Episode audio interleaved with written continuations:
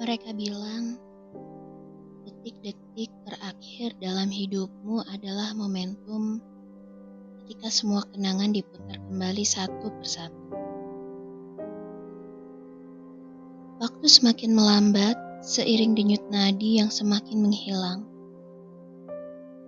Langit malam dengan rintik hujannya beringsut masuk ke dalam tubuhku, lalu kembali membesar, semakin besar hingga pecah menjelma gugusan Orion. Aku bisa melihat miliaran bintang di sekitarku. Aku seakan berenang di ruang hampa angkasa. Belum tampak indah dari kejauhan. Sampai tiba-tiba, satu komet dengan ekor apinya menabrakku. Meledak menjadi bulir cahaya putih. Hanya ada putih tanpa apa-apa lagi. Putih itu kembali membentuk tekstur arsiran kehidupan. Aku bisa melihat Bapak begitu muda, begitu ceria, begitu bahagia. Jaga ibu dan adikmu baik-baik ucapnya.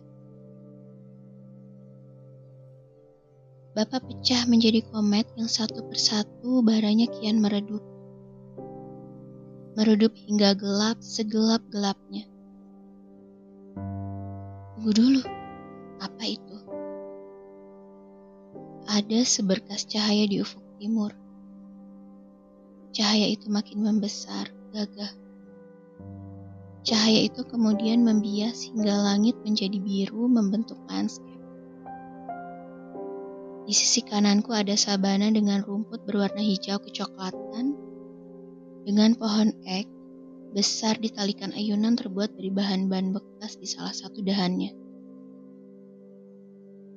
Di sisi kiriku ada rumah kayu dengan aroma laut memenuhi udara. Ini adalah tempat aku dan engkau seharusnya menghabiskan masa tua.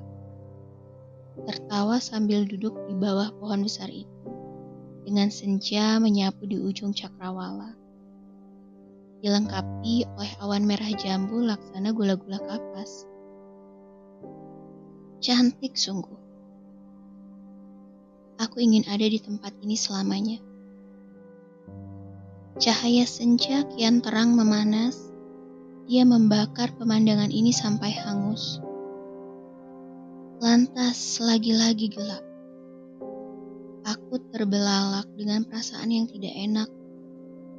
Keringat bercucuran, jantung berdebar kencang. Ada yang akan hilang, ada yang akan berpulang. Semoga ini hanya bunga tidur. Kalau saja aku tahu, waktu itu adalah kali terakhir aku melihatmu aku akan mengucapkan hal yang lebih baik